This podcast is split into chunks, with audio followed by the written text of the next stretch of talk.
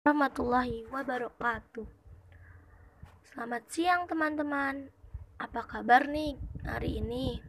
Semoga kalian semua sehat-sehat ya.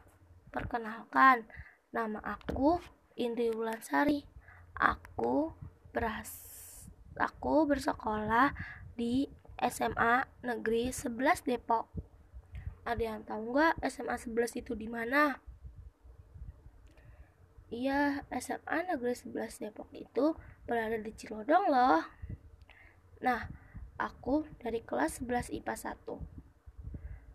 Aku di sini mau menyampaikan sedikit tentang hubungan antara pandemi virus corona dengan imunitas tubuh.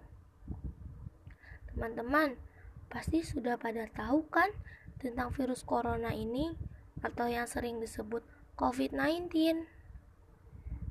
Nah, virus corona ini telah menginfeksi ratusan ribu orang di seluruh dunia.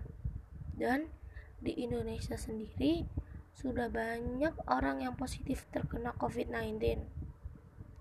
Gimana sih caranya untuk mencegah penularan virus corona ini?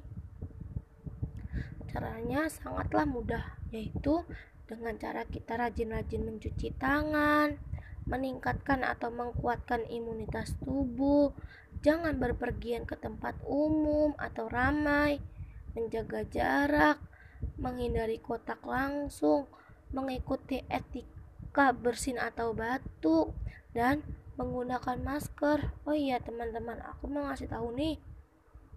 Sebenarnya masker itu boleh dipakai untuk siapa pun, tetapi diutamakan untuk orang yang sedang sakit loh